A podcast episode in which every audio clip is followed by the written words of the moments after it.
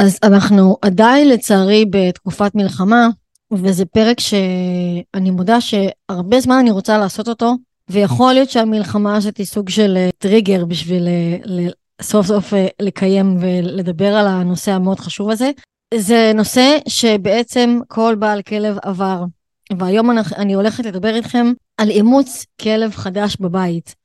איך נכון להתחיל לנהל את זה, איך נכון לגשת לכלב, איך נכון לנהל את השגרה שלו, איך בונים שגרה. מה הדבר שהכי חשוב להתחיל איתו בתור התחלה הכי בסיסית עם אה, כלב חדש בבית, מבחינת uh, תקשורת, ליטופים, ש... תזונה, טיולים, הרגלות, כל מיני, איך, איך בכלל אוכלים את הדבר החדש הזה שיש לנו בבית. וספציפית למצב של היום, יש באמת הרבה מאוד אנשים שמאמצים כלבים שחולצו מהדרום, או כלבי אומנה של, של uh, משפחות שהיו צריכות להתפנות, או לא עלינו, מקרים שהמשפחה כבר לא איתנו, uh, או uh, כלבים של חטופים, אנחנו בעצם צריכים רגע להכיר כלב מחדש. הכלב צריך להכיר אותנו מחדש, כי הוא לא מכיר אותנו, הוא לא רגיל אלינו, לא, לא אלינו ולא לסביבה. זה בעצם מאוד דומה לכל אימוץ של כלב. אז הזמנתי לא אחרת מאשר, שוב, גל פילוסוף אליה, קולגה היקרה שלי, כל פרק שהיא משתתפת בו נוגע לכלבים רגישים, מורכבים, אה, ואפילו גם להכי בסיס של הבסיס, כמו היום, שאנחנו בעצם הולכות לדבר על אימוץ כלב חדש בבית, איך אנחנו מתפעלים את הדבר הזה, איך הכי נכון לבנות איתו שגרה ובכלל בניית קשר. ויאללה, בואו אה, נתחיל ללמוד איך לחיות עם כלב רגיש, גם אם הוא לא מאוד רגיש. היי, וברוכים הבאים לפודקאסט רגישים על ארבע, פודקאסט הדרכה על איך לחיות עם כלב רגיש, איך להבין יותר לעומק כלבים רגישים ואיך להתמודד עם האתגרים שעולים בחיים המשותפים איתם, במקום של תקשורת והבנה הדדית. אני מאמינה באימון כלבים בגישה הרגישה המבוססת על בניית תקשורת נכונה וחיזוקים חיוביים. מדי שבוע יעלה לדיון אתגר אחר בחיים עם כלב רגיש, דרך שאלה שמטרידה בעלי כלבים רגישים. ביחד נפרק את האתגר ונלמד איך ניתן להתמודד איתו דרך שיתוף פעולה עם הכלב. ועוד, כלים פרקטיים שיכולים לעזור לכם בחיים המשותפים יחד. אני הילה מורן, מלווה בעלי כלבים חרדתיים ותוקפניים בתהליכי ליווי התנהגותי ורגשי, אני מנהלת את קבוצות התמיכה לבעלי כלבים רגישים בפייסבוק, ומקיימת הדרכות וסדנאות על אימון כלבים בגישה הרגישה. האזנה נעימה.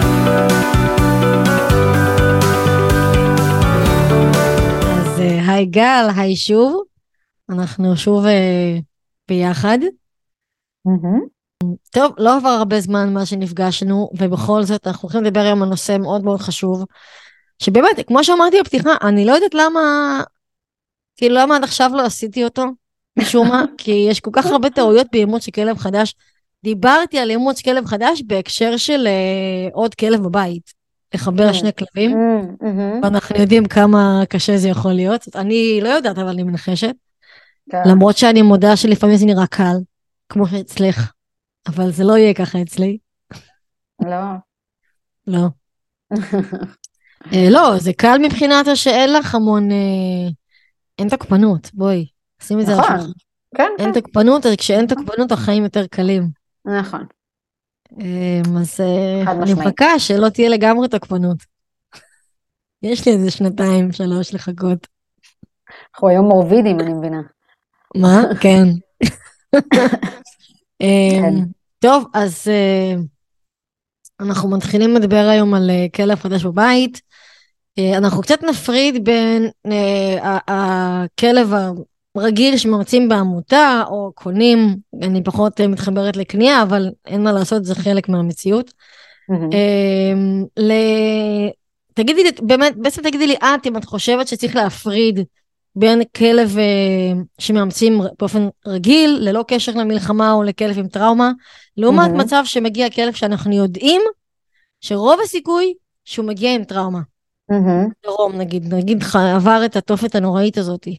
יש אה, שמצאו אותם אחרי שבועות. זה כאילו כן, נורמלי. כן, כן, כן. Uh, תראי, כרגע יש לנו טריגר מאוד מאוד ברור וידוע שהוא נקרא מלחמה. כן. Uh, אבל הרבה פעמים יגיעו כלבים שעברו כל מיני דברים, לא תמיד נדע מה הם עברו. נכון. Uh, ולכן מספיק שמגיע לי כלב שאני יכולה לסווג את ההתנהגות שלו כמעידה על כך שהוא מצוי בטראומה, אה, כדי שאני אוכל לסווג, כן, שאני אוכל להבדיל בין מה שהכלב הזה דורש, לבין משהו שכלב אחר שלא עבר אה, טראומה בכזה סדר גודל אה, דורש, mm-hmm. ואני גם אגיד שגם זה, ו- ושוב, בחיי, יש פרק שאני לא אומרת את זה, זה הכל עניין של סתגלנות, וזה הכל עניין של אה, באמת איך הכלבים לוקחים ומפנימים את הדברים, כי יכול להיות כלב עכשיו שהיה בעוטף, ועבר אלוהים ישמור אני לא יודעת מה, אבל הוא כזה סתגלן, והוא מתגלגל עם החיים, והוא ממשיך הלאה. והוא עבר, כאילו, ואנחנו לא נראה איזושהי השפעה מאוד מאוד אה, חריגה, חריגה על הכלב הזה. ולעומת זאת יכול להיות כלב שוואלה, לא עבר שום דבר, כולה ההורים שלו נסעו עכשיו לחודש לתאילנד ושמו אותו אצל אה, סבתא, בית שהוא מכיר, והוא ייקח את זה כאילו אה, דיזסטר וסוף העולם. אז זה גם משנה מה הכלב עבר, אם הוא עבר, ואיך הוא בכלל לוקח את זה. אה, אז איך אנחנו מתחילים להתנהל נכון עם כלב חדש בבית? הבאנו אתמול כלב חדש. כן. הדבר הראשון שאנחנו וגם. סליחה שאני אה, קוטעת אותך, וגם אה, לשים את ההבחנה, אם צריך לשים, בין כלב שהוא בוגר לעומת גור. אה, אני חושבת שגם, כן, כן, צריכה להיות איזושהי הבחנה, תכף אני אגיד באיזה, באיזה מימד היא צריכה להיות. הדבר הראשון זה יהיה, גם עם הגור כמו עם הכלב הבוגר, אנחנו נרצה להבין מי זה הגור הזה, האם זה גור שבאמת הוא מתנהג כיצור קצת יותר פחדן, חששן, אה, קשה לו יותר, רגיש יותר, או שזה גור שאנחנו רואים שהוא וואלה, מלא ביטחון, מתאושש, חוקר, סקרן, אה, אנחנו נוכל להבדיל בין הדברים האלה. כן יש הבדל גם מבחינת הנושא של גיל, אחרי זה אני אגע בו. Okay. אה, אוקיי. אבל את שאלת מה הדבר הראשון שאנחנו עושים? הדבר הראשון שאנחנו עושים הוא לא לעשות. אנחנו לא עושים. אוקיי? Nice. Okay? אנחנו לא, ובדרך כלל אנחנו, כשייכנס כלב חדש הביתה, זה מה שקרה לי בפעם הראשונה שאימצתי גור אה, לפני, כמה? 2010? עשור? 13 mm, שנים. 13.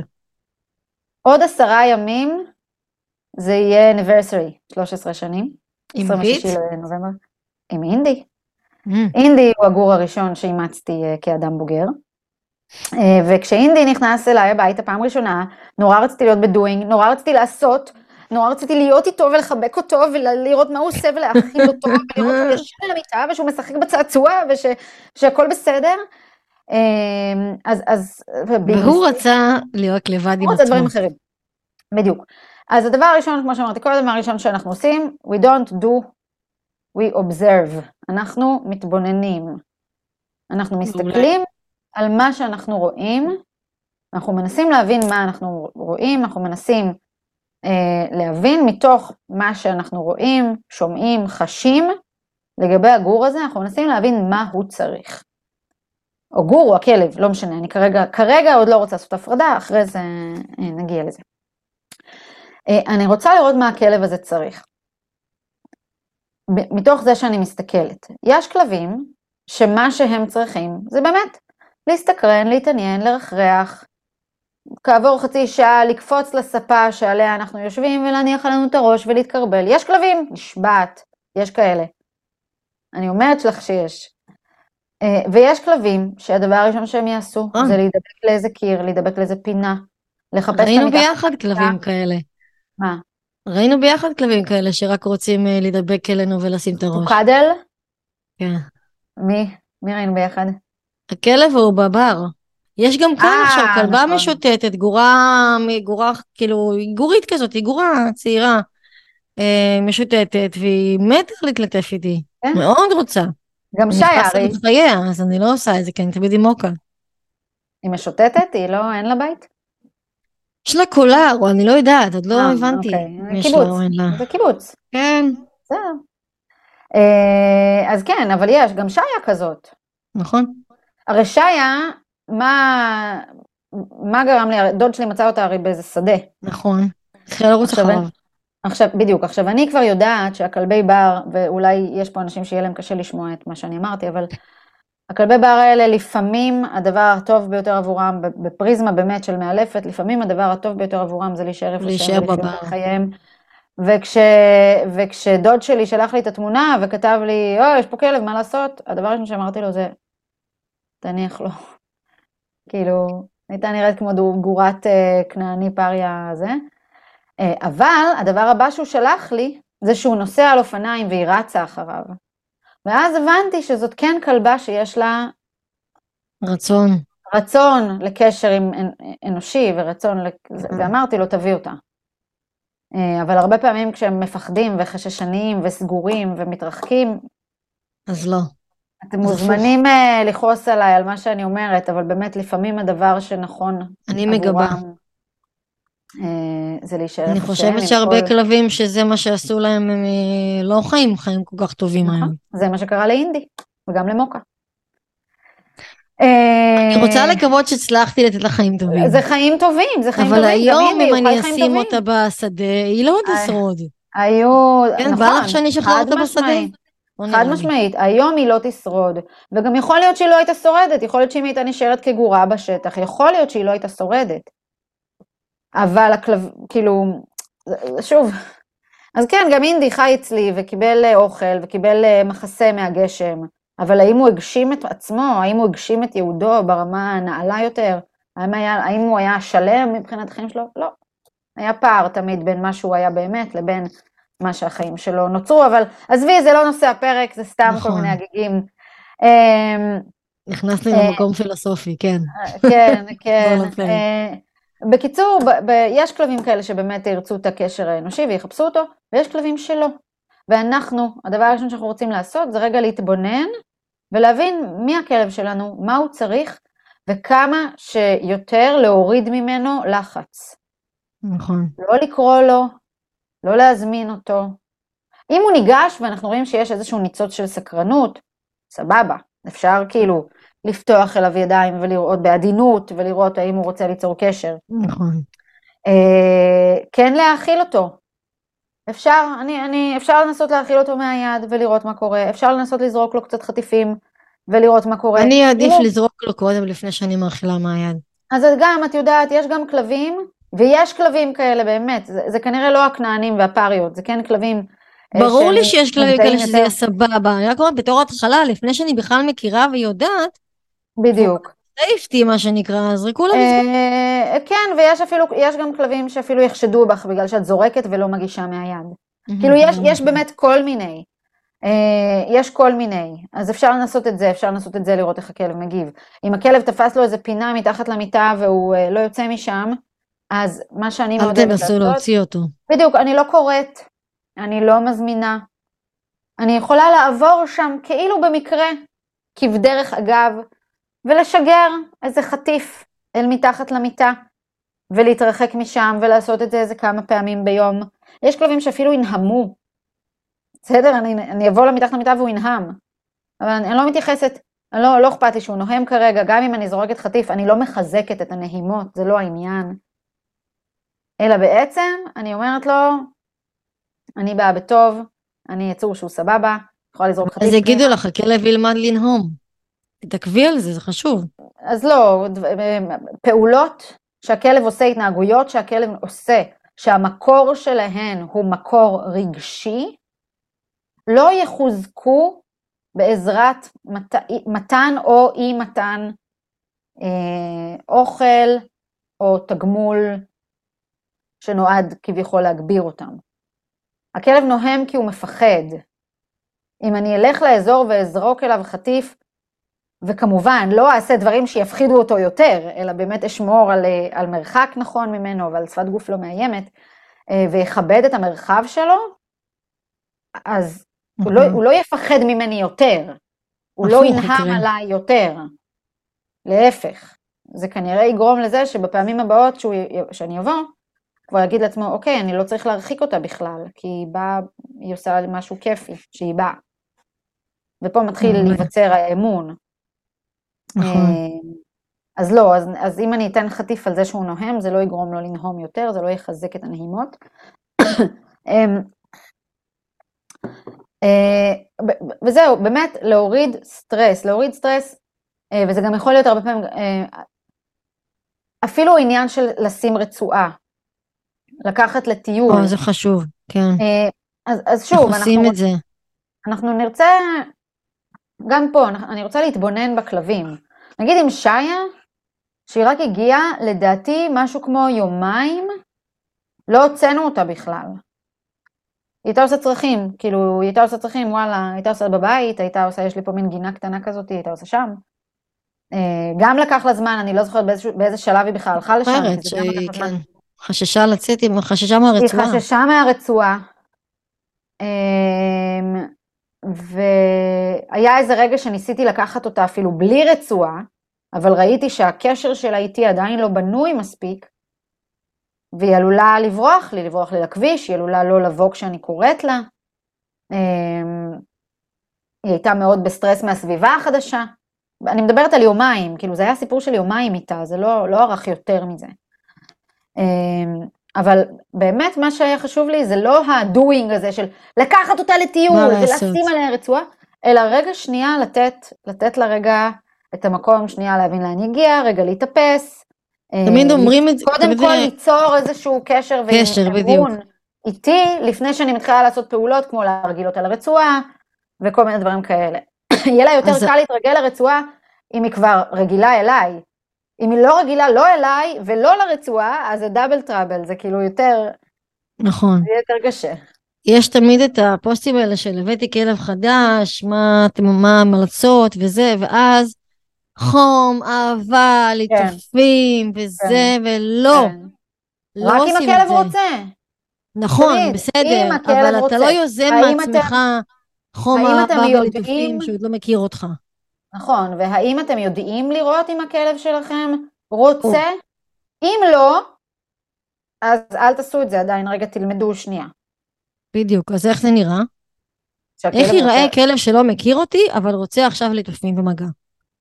אה, הוא ייגש אליי, הוא מהמם. ישהה בקרבתי למשך זמן ארוך יחסית ולא יתקרב, יתרחק, יתרחק, יתרחק, יתרחק, יתקרב, יתרחק, יתקרב, יתרחק, אלא יתקרב.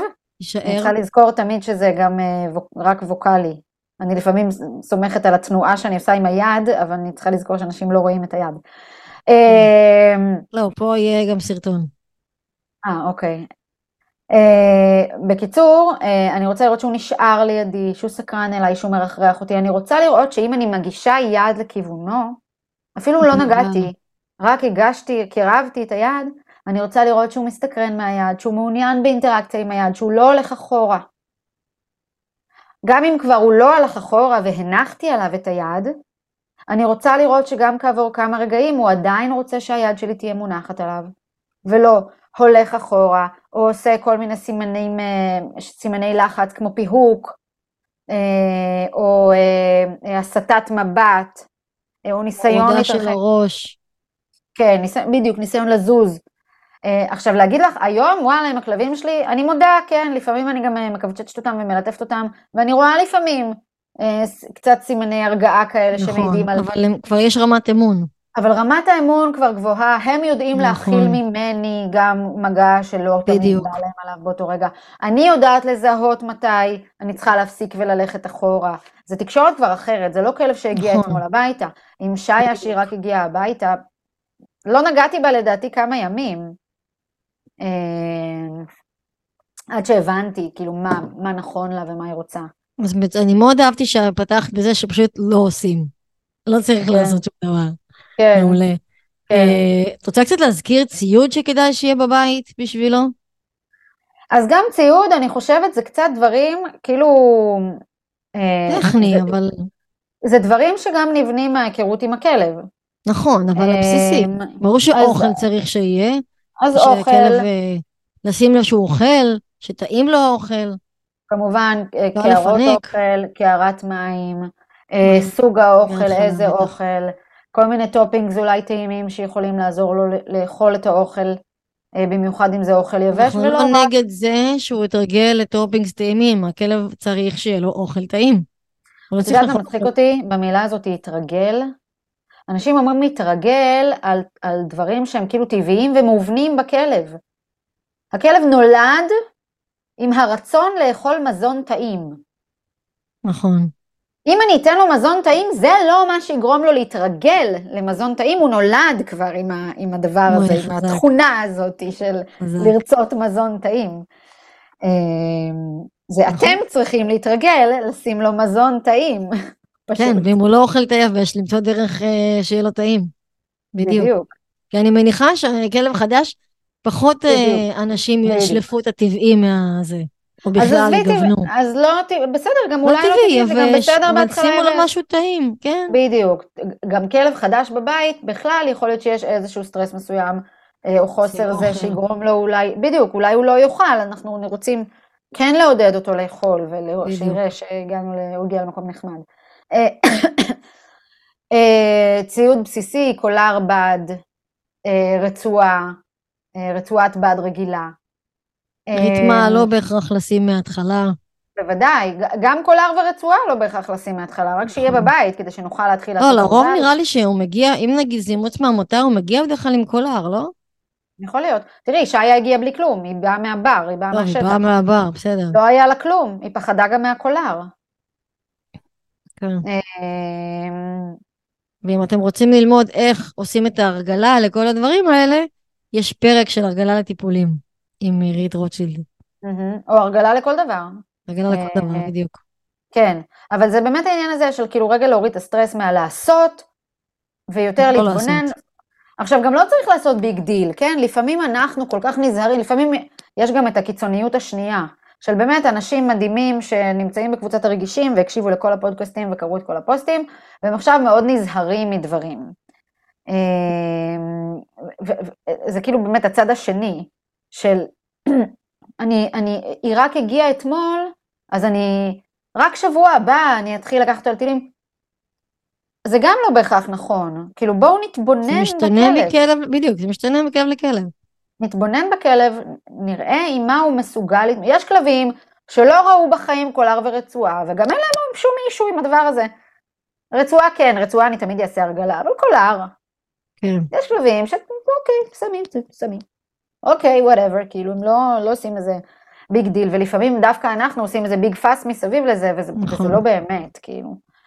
אמ, אז שוב, זה מחזיר אותי באמת להתחלה של הפרק, להתבונן, לראות איך הכלב, בשפת הגוף, איך הכלב מגיב לדברים האלה שאתם שמים בקרבתו, מציגים בפניו, מכירים לו, אמ, נכון. כדי להבין כמה מהר אפשר לקחת את זה. אז איך אה, בעצם מתחילים לבנות אה, איזושהי שגרה ראשונית כזאתי? הכלב הגיע, אמרנו בימים הראשונים, אנחנו לא מתעסקים איתו. אבל נכון, באיזשהו שלב את כן רוצה לנסות להוציא אותו לטיול, רוצה לבנות לו איזשהו סדר יום. נכון. איך אה, איך מתחילים את זה? אנחנו רוצים להתחיל לה- להרגיל בצורה הדרגתית לכל הדברים. לפי מה- שעולה בהרגלה, אנחנו נחליט על הדברים האלה. אמ, האם אני לוקחת אותו בשבע בבוקר שיש מלא אנשים וכלבים וילדים בחוץ, או שאני לוקחת אותו בעשר בבוקר שבאמת הסביבה כרגע קצת יותר שקטה, וזה יותר נכון. אה, גם, גם משתנה. יכול להיות שכדאי שכשיש כלב חדש לקחת כמה ימים להיות בבית? גם לקחת, זה בטוח, זה אוקיי. בטוח. נקודה חשובה. אה, כן, זה בטוח. אה, אפילו הייתי לוקחת יותר מס... הייתי לוקחת. נגיד שבוע, מייעדת לזה. ברור. ארבעה ימים במינימום מייעדת לזה, שעם עם אופציה להמשך גם, כמובן, תלוי מה עולה עם הכלב הזה. אה, כי גם אחד הדברים שמאוד חשוב לעשות לו הרגלה בהדרגה, זה העניין של הישארות לבד בבית. נכון. אה, שאנחנו צריכים שיהיה לנו מספיק זמן, אנחנו צריכים שהכלב יתרגל אלינו, יתרגל לבית החדש, ולשגרה. ורק אחרי ש, שיתרגל קצת, להתחיל לעשות את העזיבות בדיוק. הקצרות בצורה מבוקרת. כאילו, אני לא ביום שהכלב נכנס, אה, כבר יתחיל לעזוב אותו. נכון. אני כן לא, רוצה לתת לו בוודאי. מינימום יומיים של להבין את הסביבה, שאני אבין מה, איפה הוא, בסטטוס שלו. אה, כמובן, אז כן. להשאיר בכל מקרה מצלמות בהתחלה, לראות מה קורה. כן, חשוב חשוב מאוד מאוד. לצלם את הכלב כשהוא נשאר לבד בבית, אמ, ו- וכן לקיים עליו איזשהו מעקב באמת בהתחלה, דברים שאולי בהמשך כבר לא, כבר יהיו בסדר, כי כבר נדע פחות או יותר. נכון. איך, אמ, ואיך בעצם, אז, אז בעצם אני יכולה רגע להבין מכל הדברים שאמרת עד כה, בסופו של דבר, הדבר שבעיניי הכי חשוב, בשלב ראשון, זה לבנות איזשהו קשר ואמון. נכון. ולא עושים את זה דרך ה-doing, אלא דרך ה-לא doing, אלא observing, אלא בהתבוננות. כן, בהתבוננות. מאפשרים ב... לכלב אה, ל- ל- להראות אה, כאילו איזשהו עניין, לתת לו כן. הספייס, כאילו בלי שהוא כפייה. יזמו. לא לכפות על. הכלב את, ה, את הקרבה שלנו. אה, שזה ההפך ממה שאנחנו רוצים לעשות, אנחנו הרבה פעמים מאוד רוצים לחבק את הכלב ושהוא יראה שהוא הגיע למקום נכון, טוב, ושיראה שאנחנו פה בשבילו, אבל זה לא מה שהוא צריך. נכון, זה לא מה שהוא צריך, לפעמים הוא צריך, להפך, הוא צריך את הספייס שלו, הוא צריך להתרגל בהדרגה, נכון. הוא צריך להכיר אותן, גם הוא צריך to observe, גם הוא צריך לצפות בנו, בתנועות שלנו, בקול שלנו, בריח שלנו. גוף, ללמוד את ה... אמ, כן, אה, והאמון בינינו ובין הכלבים ייווצר ברגעים שבהם אנחנו נבין מה הכלב צריך ונפעל בהתאם. שם ייווצר האמון בינינו. בדיוק. כי כשהכלב ישדר בשפתו הכלבית, זה יכול להיות שפת גוף, זה יכול להיות... אה, אה, ברגע שהכלב יקבל, יראה שאנחנו, אני מבינה אותו, ואני נותנת לו את מה שהוא צריך, ומה שהוא צריך זה לא רק אוכל ומים ומיטה, הוא גם צריך לראות שאני מבינה את העולם שלו, מבינה את הצורך הפנימי שלו, הרגשי שלו, את הרצון שלו, מה לעשות, ונותנת לו מענה. כשהוא יתרגל שהוא מקבל ממני מענה, אני אהפוך להיות בן אדם שאליו הוא יכול לפנות בעיתות קושי, בעיתות נכון. של צורך. פה נבנה אמון. האמון בדיוק. לא נבנה מזה ש... את יודעת, יש את המשפט, המשפט סתום כזה, סתום כאילו, לא סתום כקללה, אלא כאילו חסר, חסר פשר כזה, שאנשים אומרים, הוא יאהב אותי והוא יסמוך עליי, כי אני הבעלים שלו. אז לא. זה, זה, זה חשיבה מאוד אנושית. הכלבים, אצל הכלבים הקונספט של נכון. בעלים, זה לא משהו שהם מבינים, הם לא... הם יצורים אוטונומיים, אין להם, הם לא מבינים את הקונספט של בעלים. אמ, ו- ו- ולכן הכלב יבנה איתכם קשר ואמון לא בגלל שאתם אימצתם אותו, לא בגלל שאתם הבעלים שלו, לא בגלל שהוא שלכם, לא מתוך זה. הוא יבנה? איתכם, הקשר, האופי של הקשר שייבנה עם הכלב, ייבנה בהתאם לחוויות שלו איתנו, איתנו, בדיוק. אוקיי? נכון. ולכן אנחנו צריכים לשים דגש על איך אנחנו רוצים שהחוויות האלה יהיו. מעולה. אז איך מתחילים בעצם לעבוד על קשר ואמון, חוץ ממה שאמרת עד עכשיו? כאילו, סבבה, אנחנו נותנים לו space, מארגנים שגרה, עושים הרגלות וזה וזה וזה.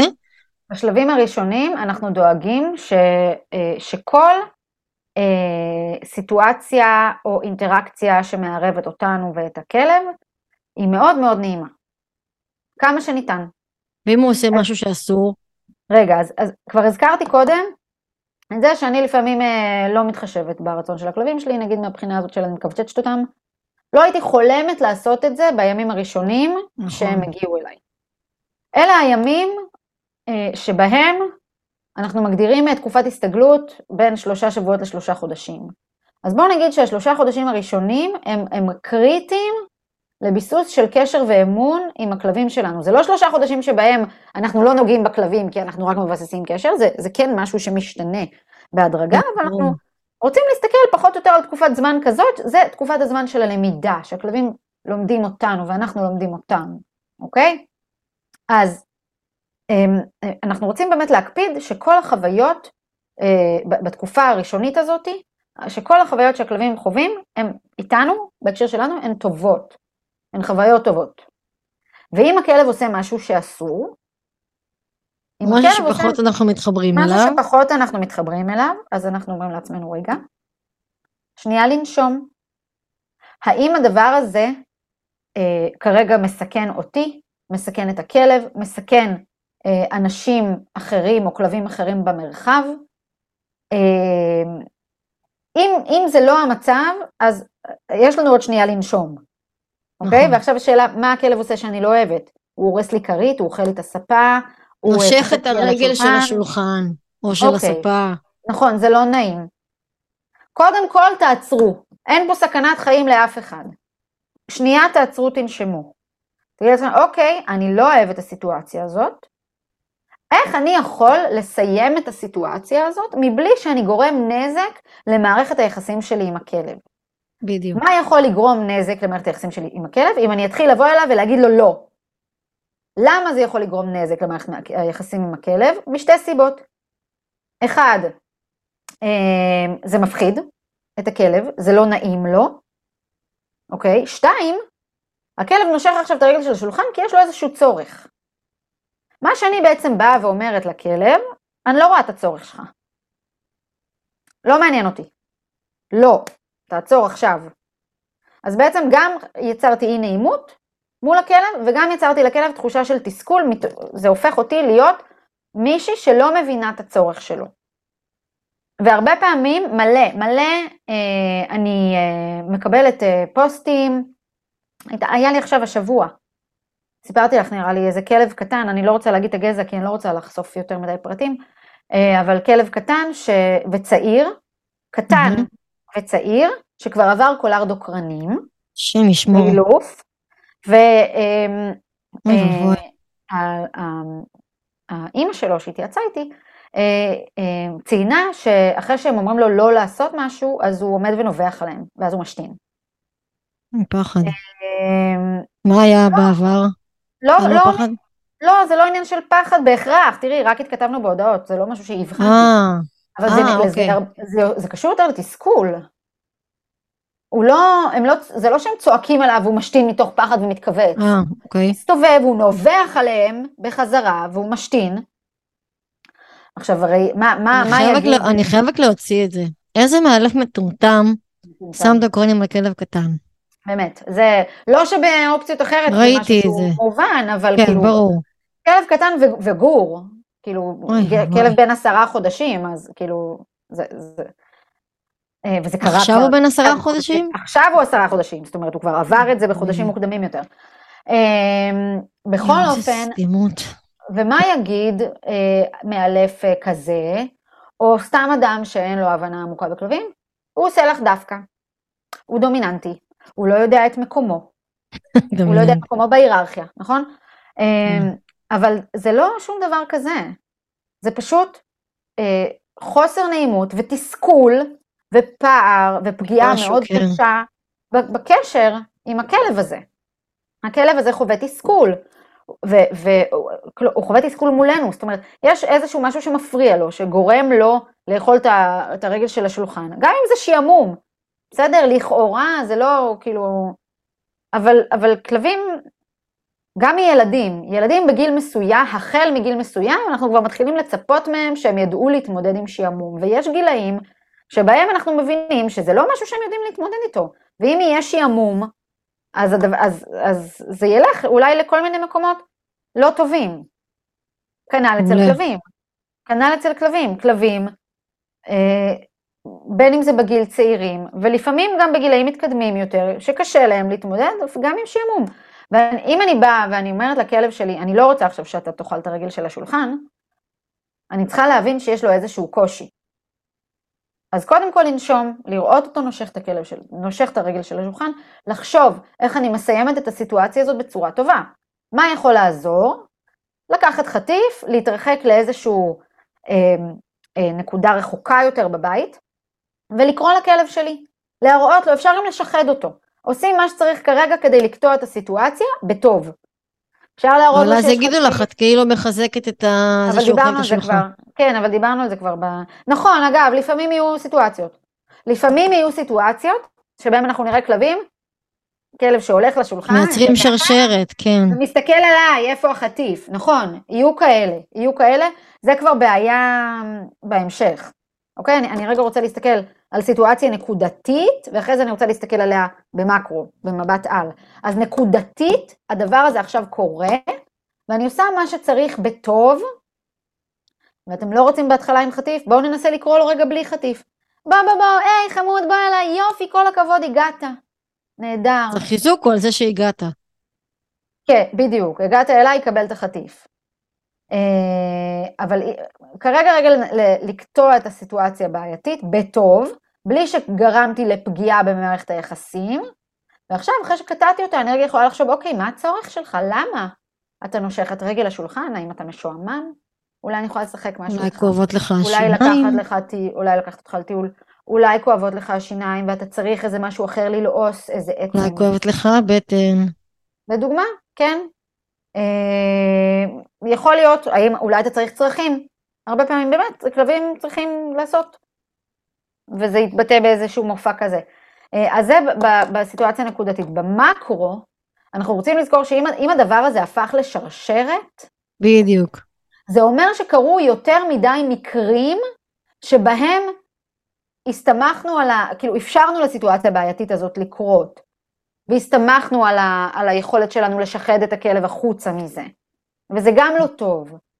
כי אנחנו כן רוצים ברמת המקרו להבין למה הכלב שלי עושה את זה, in general, כן. ולהימנע מראש מסיטואציה כזאת שהוא נושך נכון. את השולחן, או את הכיסא, מה שזה לא יהיה שאמרת.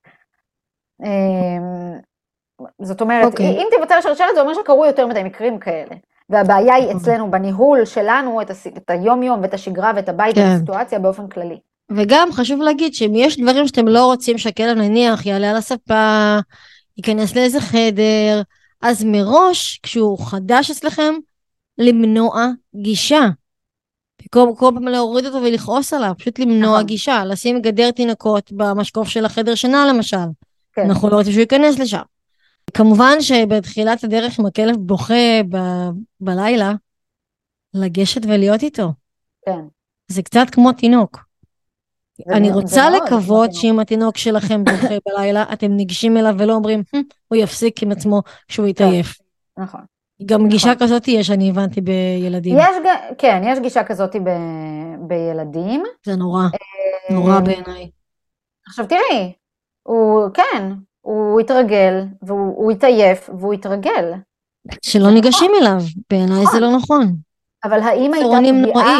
האם הייתה פגיעה בקשר ובאמון? בוודאי. כי פעם הבאה הוא מראש לידע שאין לו עם מי לדבר. אז הוא לא יפנה אפילו. אפילו לא לשם. נתת דוגמה, הכלב נושך עכשיו את הרגל של השולחן. אם אני אבוא אליו ואני אגיד לו לא ויכעס עליו, האם הוא יפסיק לאכול את הרגל של השולחן? אולי כן. כנראה שכן. יכול מאוד להיות שאפילו כל כך הבהלתי אותו, שהוא אפילו לא יעשה את זה יותר לעולם, בחלק מהמקרים. האם הייתה פגיעה בקשר ובאמון? כן, השאלה זה משהו שאנחנו רוצים. ויש כאלה שכן, יש כאלה שאומרים, אני מעדיף שכלב יפחד ממני. טוב, אני מקווה שלא תהיה הורה לילדים. הייתה לי פעם לקוחה כזאת, שהייתה לה גורת ביגל. הייתה לי פעם לקוחה כזאת, ממש בתחילת דרכי, הייתה לה גורת ביגל מהממת, והיא הייתה, משהו בכוחות הביטחון, הייתה שוטרת או בשב"ס, לא זוכרת מה, והיא כל הזמן אמרה, היא חזרה ואמרה, אבל אני רוצה שהיא תפחד ממני, אני רוצה שהיא תפחד ממני. עכשיו, אני הייתי צעירה, כאילו, לקח לי זמן גם, באיזשהו שלב אמרתי לה, אוקיי, אז, אז למה את עובדת איתי, כאילו, אנחנו לא רוצות, בהתחלה עוד ניסיתי לשכנע אותה ולהסביר לה למה, לא, למה את לא רוצה שהכלבה תפחד ממך, אבל נו, זה? היה, נפל, לא יודעת, לא, לא. עצוב. אמ, כן, יש כאלה, כן. נתקלתי בכמה. עכשיו, בסדר, אתם, וגם אלה, אתם יכולים לרצות שהכלב יפחד מכם. הבעיה זה עם ענישה שאין אין לנו יכולת לשלוט על ההשלכות שלה. נכון. והדבר הזה, הוא יכול להתבטא בכל מיני מקומות. כאילו, יכול להיות שהוא יפחד מכם, ואז יוציא את הפחד שלו על אחד מ... בדיוק. בדיוק. מה- מהבן זוג או מהילדים הוא לא מפחד. אז את כל הסטרס שהוא חווה מולכם, הוא יפרוק שמה. הוא יפרוק שם, בדיוק. אמ, מאוד נפוץ, אני רוצה כן, להגיד. מאוד מאוד. אמ, או כלבים יש לך עוד משהו את. לדבר על... אה, כן, שכלבים שמפרקים את הבית, אבל זה לא בהכרח עניין של חרדת נטישה, אלא זה איזשהו פורקן. כי כשאתם בבית הם ככה, נכון. והם לא מרשים לעצמם שום לא דבר. ואז ברגע שהבן אדם הולך, מתחראים, מוציאים את הכל. היה לי כזה, יואו, זה סיפור כן, עצוב. היו לי כמה. כאלה. אמ, יואו, זה קורעת הלב. טוב, יש לך עוד משהו להוסיף על אה, בנייה של קשר ואמון? אה, I kind of said it all נראה לי, כאילו פרקטית, אז באמת הרבה סיטואציות טובות, נעימות, המון כיף. גם אם קרה, ולפעמים בזה. לפעמים קורים דברים לא נעימים ש, שאנחנו לא אחראים עליהם, גם אם לא צעקנו על הכלב שלנו וזה. לפעמים, אה, לא יודעת מה, הלכנו בטיול, והיה בום. היה בום, או לא יודעת, מאיזושהי סיבה נאלצנו למשוך את הכלב שלנו כי הוא קפץ לכביש, או כי בא מולנו איזה כלב והיינו חייבים להרחיק אותו, או אפילו לא אנחנו משכנו, אלא סתם הכלב שלנו נתן איזה כזה קדימה ונבלם וחטף כאילו מהרצועה, יכולות להיות סיטואציות כאלה. אז אחרי שקרתה סיטואציה כזאת, גם אם היא קרתה במקרה, אנחנו מיד רוצים לעשות איזשהו שינוי בקישור, אנחנו מיד רוצים כיפי. להפוך גם אותה לסיטואציה אה, נעימה. אז כן, אפשר להציע לו אחרי זה איזה משהו טעים לאכול, ואתם כמובן לוקחים אה, פאוץ' לטיולים. ברור. זה גם יכול לקרות בבית, גם בבית יכולים לשבת ופתאום יהיה רעם. אה, מיד להציע משהו טעים לאכול, מיד להציע איזושהי אינטראקציה כיפית, אולי איזשהו משחק. אה, לראות מה הכלב אוהב ויכול קצת לשנות את המציאות עבורו. ואנחנו פשוט רואים כלבים, כשזה קורה, אנחנו רואים כלבים שגם כשקורות סיטואציות לא נעימות, הם פשוט מסתכלים, הם מעלים עלינו את ה... מחפשים אותנו, כי אנחנו נכון. אלה שמתווכים להם, אנחנו אלה שפותרים להם את הסיטואציות, וזה מעיד על רמה מאוד מאוד גבוהה של אמון. של אמון, בדיוק, ממש. אני ממש רואה את ההבדל בין אנשים שעשו, עבדו בגישה כזו לפניי, לפני שאני הגעתי, לבין כאלה שעבדו בגישה אחרת. איך כן. האמון שם כל כך שונה. כן. הכלבה שסיפרתי לך בפרק הקודם עם התריס, mm-hmm. הם עבדו מההתחלה בגישה של הפורספרי, רואים שם רמת אמון משוגעת, זה, זה וואו, זה מטורף. כן, כן. ממש, כאילו זה ברמה שהם לבד התחילו לעשות הרגלה לגזירת ציפורניים, ואני מסתכלת על הסרטון, כי הוא ככה לקראת הסוף, הוא נתקע שם באמצע, הוא ביקש עזרה, ואני מסתכלת על הסרטון, ואני אומרת, וואו, איזה רמת אמון. היא נותנת לו, היא מראה לו שקשה לה, אבל היא נותנת לו. כן. זה מדהים. כן. זה פשוט וואו, זה זוג? ללקק את האצבעות. מבחינת, מבחינת אה, קליינטורה, מבחינת אה, בעלי כלבים, וואו, מטורף. אה, לא רק הם, כן? אבל בגלל שהם פשוט עלו לי עם הסיפור של התריס. אמ, בואי נדבר רגע קצת על סימני שפת גוף, שאנחנו, של התנהגות חריגה, שאנחנו כן רוצים להתייחס אליה, להבין שאוקיי, אם עכשיו הכלב עושה את הדבר הזה, בגיל הזה, בשלב הזה, יכול להיות שיש פה משהו קצת בעייתי, ואני רוצה לטפל כן. בזה עכשיו, לא מחר. כן. כן. אה, נתתי פה, אה, נתתי פה גם כמה דוגמאות של אה, נגיד הרס, נבחנות חריגה, הרחקה, כן. כן. תגובתיות. אה, כן, אז באמת, כל דבר שהוא קיצוני. כאילו, אם הכלב נכנס להם מתחת למיטה ביום שהוא הגיע ולא יצא משם, אוקיי, אבל אם הכלב עבר שבוע והכלב עדיין מתחת למיטה, יש בעתי. מצב שיש פה בעיה. אמ, גילאים צעירים מאוד, כל גורים, כל אה, מופע של אה, חוסר חברותיות, אה, שזה יכול להיות להראות לבן בעין בסיטואציות מסוימות, זה יכול להיות... אבל יכול להיות שהוא, אה, כאילו, אם הוא, נגיד אם הוא נמנע מכלבים? נגיד גם? נמנע מכלבים? נמנע כן, מכלבים. כאילו מבחינת חוסר חברותיות. כן. בטח, כן. כן. אוקיי. כן. Uh, תראי, מה זה נמנע? זה טוב לנו שהוא נמנע מכלבים, כן? אנחנו רוצים לחזק את זה. אנחנו רוצים לראות איזושהי סקרנות, גם, כן. נכון, נכון. איך נמנע, הולך הצידה לרחרח, דווקא זה טוב, לא רע. נכון, לא, לא, לא, נכון, אבל את יודעת מה, ו- ואנחנו גם לא ניגע בזה, אבל לא תמיד הבעלים ידע להגיד שזה מה, כאילו שזה הדבר הנכון. נכון. כאילו, אני לפעמים, חוזרת על זה לפעמים, המון. לפעמים צריך לשמוע את זה מאיתנו, המאלפים, שאנחנו נגיד להם, זה מעולה, תמשיכו לאפשר לו לרחרח בצד. נכון, אני אפילו מחזקת את זה. האם יש פה בעיה? יכול להיות שהכלב שלכם לא אוהב כלבים, יש מצב. זה בסדר. כן. גם אני לא אוהבת את כל האנשים. כן. כן. למדתי אה, להתרחק. אבל כן, אה, אבל כן הייתי אה, פונה לאיש מקצוע ולו רק בכדי שיסביר לי את הסיטואציה. נכון. אם יש קושי בלהבין אותה. ארס. כן. ארס בבית. גם, גם לא רק כשלבד. ברור שכשלבד אז אנחנו רוצים לטפל בזה, אבל גם כשלא כשלבד. לגמרי, גם אם אתם בבית והכלב הורס באובססיביות. עכשיו שוב, יש איזשהו מנעד, אם הכלב הוא גור, צעיר, ואנחנו היינו איתו בבית, והוא בתקופה של ההחלפת שיניים, והוא לא תמיד הורס, אלא נקודתית הרס איזשהו mm-hmm. משהו. בסדר, זה גור. אבל אם הוא כל היום, כל הזמן הורס, כל הזמן עם הפה, כל הזמן מחפש מה ללעוס, כל הזמן ללעוס, כן. אז הוא באי שקט, צריך להבין למה יש אי שקט. בדיוק. והרבה פעמים, במיוחד, במיוחד עם גורים, זה הרבה פעמים כאבי בטן. נכון. אה, נבחנות. מה איתה? אני רוצה להגיד שכלב מאוד צעיר, נגיד ברמה של גורים או גור מתבגר שנובח המון, זה איזשהו סימן שיש איזשהו אי שקט, כמו שאמרת קודם, פשוט אי שקט. שמתבטא בנבחנות ולא בהרס. אבל יש שם איזה גיל משהו. ההתבגרות, הרבה פעמים לא כל כך נובחים. נכון, גורים, וזה תקין, כי גורים עד גיל ההתבגרות הם בשלב של ה-observe. הם לומדים את העולם, הם עוד לא מגיבים אליו. הם רק לומדים, הם מכירים, הם נחשפים כשאנחנו מדברים על. שמונה, משהו כזה, שמונה חודשים, 12 חודשים אפילו לפעמים. בין שמונה לשנים עשר, כן. ולכן אם יש כלב שכבר בגילאים המוקדמים האלה, הוא מאוד מאוד נבחן, אז בוודאי שזה מדליק לי נורה כן. אדומה. או נגיד אה. כלב שמפחד מאוד מאנשים, במיוחד גורים. חבר'ה, לא לחכות עם זה ולו דקה. כן, המלצה חמה של שתיים, לא אחת, שתיים, שחיו את זה. כן.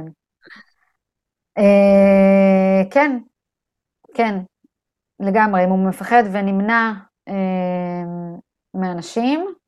עכשיו שוב, יש, יש גבולות מסוימים שבמסגרתם זה בסדר, זה תקין. נכון לגמרי. וגם יש לנו, וגם צריך להבין שלוקח זמן לעבוד על זה. כאילו זה לא שאנחנו נבוא לפגישה וזהו, הכלב עובד אוהב נכון, אנשים. בדיוק. זה יהיה תהליך של כמה וכמה חודשים, שבסופו אנחנו נרצה לעשות איזה, פשוט איזשהו management לדבר הזה, כאילו יש סיכוי שגם אחר כך הוא יפחד מאנשים. פשוט לא רוצים שהוא ייקח את זה למקום של תוקפנות, או למקום של בדיוק. פחד קיצוני. זה אה, בסדר שהוא יפחד מאנשים, אנחנו רוצים לייצר מצב שהוא יודע מה לעשות בדיוק. במקום, ולא לנסות לאכול אותם. אמ, תגובתיות בטיול, כמה אנחנו נתייחס לזה ומתי? זאת אומרת, באיזה רמה? הרחקה, סליחה, טוב, הרחקה זה, כן, אה, פחד מאנשים, אבל בטח הרחקה, אה, תכף נדבר גם על סימנים יותר ברורים, אבל כשהכלב פתאום מרחיק, נוהם, חושף שיניים. תראי, תגובתיות בטיול, אה, אז אחד הדברים שאני כן אוהבת להסתכל עליהם זה גם להסתכל על הסוף. איך הוא מתאושש?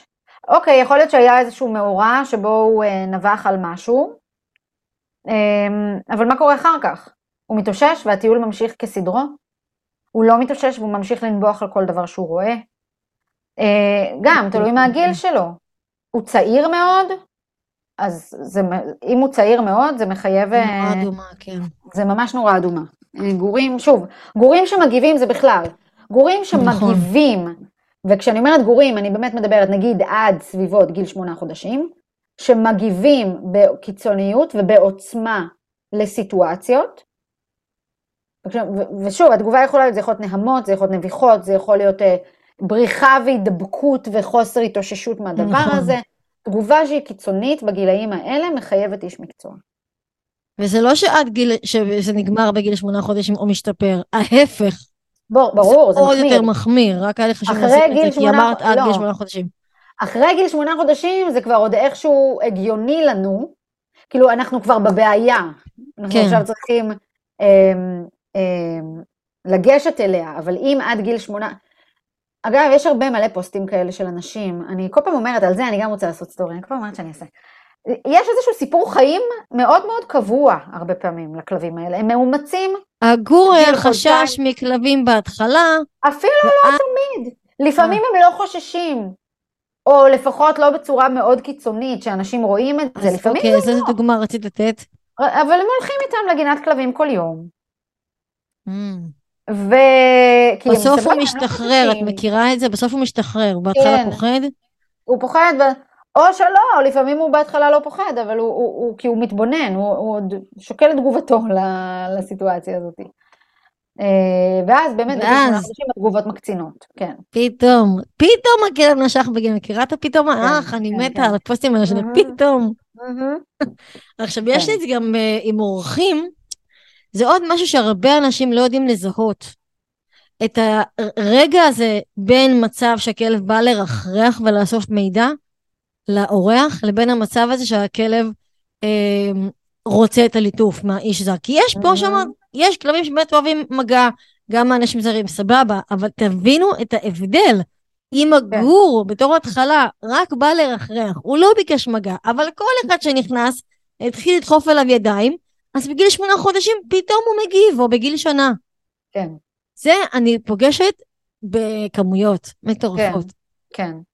כאילו זה נראה כן. לנו נורא טריוויאלי, שנכנסים אורחים והכלב צריך להיות בסדר ולאהוב אותם, ול... היי, לוי דווי. כן. זה לא, זה לא, זה לא. אם אתם ת, תאמצו כלב בידיעה אה, שזה לא, אתם, אתם בטוחה שיהיה לכם פחות בעיות התנהגות עם אורחים. באמת, כן. זה לגמרי. מטורף. ממש. אמ, בוא נדבר על סימני שפת גוף שלהתייחס אליהם. זאת אומרת, יותר, אה, יותר ממש ברור. למשל, אה, אם אנחנו מדברים על אה, הרחקה, אני לא צריכה להגיע למצב שהכלב נוהם וחושף שיניים בשביל להבין שיש הרחקה. כן. אבל אם אתם מתקרבים לכלב והוא עושה לכם את זה, מסיט מבט, הפניית מבט. או. שהוא כופה, בדיוק, כפייה. או שיש לבן בעין, הוא כזה עושה לכם מין מבט כזה של אה, כזה כן. עם הלבן בעין, אז תבינו שיש שם בעיה. גם פיוקים, פיוקים חוזרים ונשנים. נכון. מפהק מלא, אחד אחרי השני. אה, יש ניפוחי שפתיים לפעמים. ליקוקי שפתיים שמתקרבים, ליקוקי שפתיים גם שגם ליקוקים. חוזרים על עצמם. כן, גם ליקוקי שפתיים וגם שמנפחים כזה את הלחיים. נכון, אבל הניפוח לחיים לרוב האנשים קשה לראות. אני אומרת לך. אוקיי. אה, תסתכלו על הלחיים. שלהם. כן, זה לפעמים כל כך קטן, אבל במיוחד נגיד אם זה גור, זה לא קטן, אבל. זה בדיוק העניין, זה קטן, זה קטן, צריך לראות את הדברים הקטנים. זה, לפעמים עושים את זה. נכון. נכון, מרמים, זה אצל גורים אני רואה הרבה. מלא, גורים עושים את זה מלא. רק מרמים הרמה- הרמה, הרמה הקטנה של של ה- השפת, של השפה. וזה לשנייה. זה שנייה כן. וזה נעלם. וזה לא, זה לא בטעות. זה לא. לא בטעות. אוקיי? היה פעם סרטון שלדעתי גיא העלה על איזה גור, מפגש של גור עם כלב בוגר. וראו שם את ה... שפה שכזה עולה. אה, כן. כי אה, אצל גורים הרבה פעמים הם לא יראו את כל המופע. אין להם את הביטחון להראות את כל המופע וכל הסימנים שאנחנו מכירים. כן, זה גם לא רק העניין של הביטחון, זה-. בדיוק, זה גם לא רק העניין של הביטחון, זה גם באמת בגלל שהם במין עמדה הזאת שהם עדיין לומדים את העולם. נכון. הם עדיין עוד לא יודעים אה, להגיב, איך להגיב לכל סופר דבר. חשוב שאמרת את זה, שהם עדיין לא- לומדים את העולם. אנחנו רוצים שתהיה להם למידה חווייתית. לעצור ולהתייחס לדבר הזה שהם רק לומדים. כי מה, אבל הגור שלי כבר חצי שנה, מה הוא רק לומד? זה המון זמן חצי שנה. כן, זה לא, זה זה לא לא, המון זמן. לילד שלך אתה נותן יותר מחצי שנה ללמוד. נכון. התבודדות, הבריחה כן. למקום להסתתר, חוסר רצון, חוסר חברותיות, חוסר רצון בקשר, הימנעות קיצונית. הימנעות וליזום מרחק, כאילו, ל- אם זה מאנשים, אם זה מכלבים, אם זה מיל- מהילדים בבית. אמ, כלבים באמת שלא לא מגיעים אה, לייצר אינטראקציה. בדיוק. כן, Uh, בכל מקרה, uh, חשיפה של uh, גורים, יש פרק על זה, לדעתי זה פרק 2, אם אני לא טועה. אז uh, חפשו אותו. פרק שלם על איך לחשוף גורים לעולם. Uh, איך אנחנו יודעים שהשגרה, הרי את יודעת, יש כלבים שאנחנו נעשה להם uh, שלושה טיולים ביום, שזה בדרך כלל מה שרוב הכלבים נגיד צריכים. כן, Uh, ויש כלבים שדווקא אנחנו נעשה להם שני טיולים ביום. אני אפילו שוקלת להוריד למוקה עוד טיול. כן. כי אני רואה שזה too stressful גם בשבילי ולפעמים גם בשבילה. מהמם. אז אה, איך אנחנו יודעים בשלב הזה שנגיד הכלב עושים כבר כמה שבועות, איך אני יודעת אם השגרה שלו מתאימה? טיולים, תזונה, משחקים? האמת שזה די פשוט. אם ב... פשוט. לא, דווקא לא הפעם, גם, אבל זה יותר, יותר כולל מזה. אם ב... אם אני יכולה להגיד שנניח באחוזים גבוהים, משהו כמו 85-90 אחוז מהיום, הכלב שלי שמח, רגוע, נינוח, מבסוט. אה, אמרתי רגוע? רגוע. כן. אז רגוע, אני מדגישה. אה, סקרן, כאילו שבאמת אנחנו רואים שיש איזושהי חיות שהיא חיות חיובית בכלב ברוב היום, אני אומרת רוב, אני אומרת רוב, כי יש גם סיטואציות שאולי הוא יהיה טיפה. יותר אג'י, טיפה פחות לחוץ, פה נכנסת ההתאוששות שלך, לראות כמה מהר הוא מתגבר, ההתאוששות שלי, שאת עכשיו נכון. אמרת, אה, לראות כמה מהר הוא באמת מתגבר ויוצא מהמצבים האלה. אבל זה ההומאוסטזיס הזה, אוקיי? הכלב שצרכיו נענים, אה, בצורה מיטבית, עד כמה שניתן, הוא מקבל מענה, בין אם זה מענה פיזיולוגי, בין אם זה מענה תזונתי, בין אם זה מענה מנטלי, רגשי, אה, אה, קשרים טובים עם העולם שסביבו, זה כלב שיהיה רגוע, שמח, מסופק. אנחנו לא נראה בעיות התנהגות חמורות. ברור שלפעמים יש מצב שהוא ינשך איזה משהו, או יהיה, כאילו, אבל אני מדברת על... ינשך איזה, אה, בבית, כן, לא מישהו. כן, לא, לא מישהו. לא, לא, ינשך איזה כרית, או אה, לא יודעת, אה, או שיהיה לו איזה יום אחד שפחות יבוא לו לטייל, כאילו זה, זה עניין של מינונים, בסדר? אני רוצה לראות שברוב הזמן, רוב הזמן, הוא רגוע ושמח וזה, ואין איזה בעיות התנהגות אה, מיוחדות, וזה בעצם יגיד לי שהשגרה שבניתי לו, היא טובה. היא טובה, עבורו. וזה בהחלט מקום לניסוי וטעייה. יש איזשהו נור, נורות אזהרה שתגידי, אוקיי, אם זה משהו שקורה 70-50 אחוז מהזמן אפילו, את תגידי, אוקיי, צריך לבדוק את, הס... את השגרה? משהו כזה, את יודעת, כמה דברים כל, בולטים כל, למאזינים שלנו? כל הצד השני של זה. אם הכלב שלי פתאום נהיה נורא מפוחד, מבוהל, הפסיק לצאת לרצות, להסכים לרצות לצאת לטיולים, כשהוא יוצא לטיול הוא נתקע, ולא מוכן להתקדם בהמשך הטיול. אמ, כן, אבל יש לי אה, כלבים שנתקעים, את יודעת. שוב, באיזה רמה זה קורה? האם זה קורה כל טיול? האם זה קורה כמה פעמים בכל טיול? זה, זה, זה בדיוק זה, זה העניין של המינונים. כן, יכול להיות שיש טיול אחד ש... לא יודעת מה, ירד עכשיו, שזה בדיוק מה שבאתי להגיד. השגרות משתנות. השגרות משתנות כי עונות השנה משתנות. ושגרה של קיץ היא לא שגרה של סתיו וש... ושגרה של חורף. אני נכון. עכשיו עושה את המעבר, וזה גם שינוי בשבילי, כן, זה הכל גם קשור. נכון. אני עכשיו עושה את המעבר מזה שהכלבים שלי טיילו פעמיים ביום, רק בוקר וערב, כי, כי היה קיץ והיה חם, לזה שאני עכשיו מוסיפה להם טיול בצהריים, כי הם זקוקים לו, ומזג האוויר הוא... סבבה. הוא מאפשר את זה, ולא רק שהוא מאפשר את זה, הוא גם גורם לזה שהם יותר זקוקים לו, אוקיי? אז אם עכשיו, כאילו אם בקיץ שיה הייתה מתחילה להראות סימני, אה, כאילו אוקיי, יאללה, מתי טיול? בסביבות נגיד 6-7 בערב, אז עכשיו היא כבר מתחילה להראות את הסימנים האלה בשלוש-ארבע אחרי צהריים. Mm-hmm. אז אני צריכה לעשות התאמה מחדש של השגרה, אוקיי? אוקיי. Okay. אה, שגרות משתנות. החלפתי עכשיו עבודה, יש עכשיו שינוי בשגרה שלהם. נכון. אז, אז, אז אנחנו כל הזמן עושים משחקים. אני רוצה רגע אה, לשאול, אה, האם יש לך איזה שהם, אה, מכל מה שדיברנו על אה, כלב חדש בבית, על כלבים ספציפיים שחוו איזושהי טראומה, זה משהו שספציפי שהיית אה, נותנת איזשהו משהו שונה מכלב אחר שאנחנו לא יודעים בהכרח מה עבר עליו, לעומת כלב שאנחנו יודעים בהכרח מה עבר עליו, וזה אסון השביעי לאוקטובר. כן, זה משתנה מאוד בהתאם לכלב, באמת. לא, זה ו... ברור. זה שוב, נניח שראינו שיש לו איזושהי טראומה. מה, אני... איזה? טראומה ממה? רעשים, נורא מפוחד. כן. למשל. אה, אוקיי, אז, אז אז כן, אז אנחנו נראה טראומה מבומים. דבר ראשון, אנחנו צריכים להבין שזה, ה, שזה המצב. אה, שוב, לא תמיד אנחנו יכולים לשלוט במציאות, לא תמיד אנחנו יכולים לשלוט בבומים. אנחנו כן יכולים לעשות את כל מה שאנחנו יכולים לעשות כדי למסך את מידת החשיפה שלו אליהם. אה, להדליק טלוויזיה, כאילו... אבל יש משהו לא, בשלבים לא הראשונים... לא על חדשות ובומים. יש משהו בשלבים הראשונים שהוא מגיע הביתה שאת תנחי לעשות אחרת לעומת כלב מעמותה? שלא בהכרח עבר טראומה? סתם, אני סקרנית, אני באמת לא יודעת. אה, קשה לי לענות על זה, זה תלוי בכלב.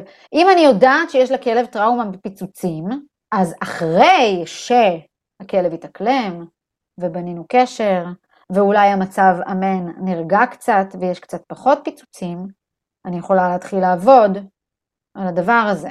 במידה והכלב חדש ויש פיצוצים, אני רוצה לבדוק מה יעזור לו, איך, זה, איך יעזור לו להתמודד.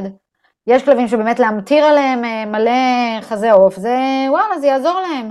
יש כלבים שלתת להם להתבודד רגע ב... לא יודעת, באיזה פינה ולחכות שזה יעבור, זה מה שיעזור להם, כל כלב מה שעוזר לו. אנחנו צריכים לשמור על הכלב מבחינה בטיחותית. זאת אומרת שאם אנחנו יוצאים לטייל, וזה בלי קשר לכלב שבטראומה, אנחנו תמיד צריכים לשמור על הכלבים מבחינה בטיחותית. אבל אני נגיד שסיפרתי בפרק הקודם שאני נוהגת לטייל עם כלביי בלי רצועה ביער, אם היה לי עכשיו כלב שאני יודעת שיש לו טראומה מבומים, אז כנראה שלא הייתי משחררת. בדיוק. אמ, כי הוא עלול לברוח לי. אם, אם יהיה עכשיו בום. אז אני כל הזמן רוצה לשמור על הבטיחות של הכלבים, על הביטחון שלהם, על, על כמה שפחות חשיפה לדברים שקשים להם. ובהקדם האפשרי שזה יתאפשר, אנחנו ננסה לעשות עבודה. אה, כן להבין מה, מה עוזר להם. יש כלבים שעוזר להם אה, כל ה-thunder shirt והלבשות נכון. והחבישות של ה-T-touch. אה, וכל מיני מוצרי הרגעה למיניהם, אם זה דוגיזן, אם זה תרופות, כל כלב ומה שעוזר לו. אז okay. כן, אוקיי. לגמרי, כאילו מה שצריך, מה שצריך כדי לעזור לו, בטח. יש לך משהו להוסיף לסיום? נראה לי שכיסינו את הכל בגדול, אם אני כן, די... כן, כיסינו את הכל.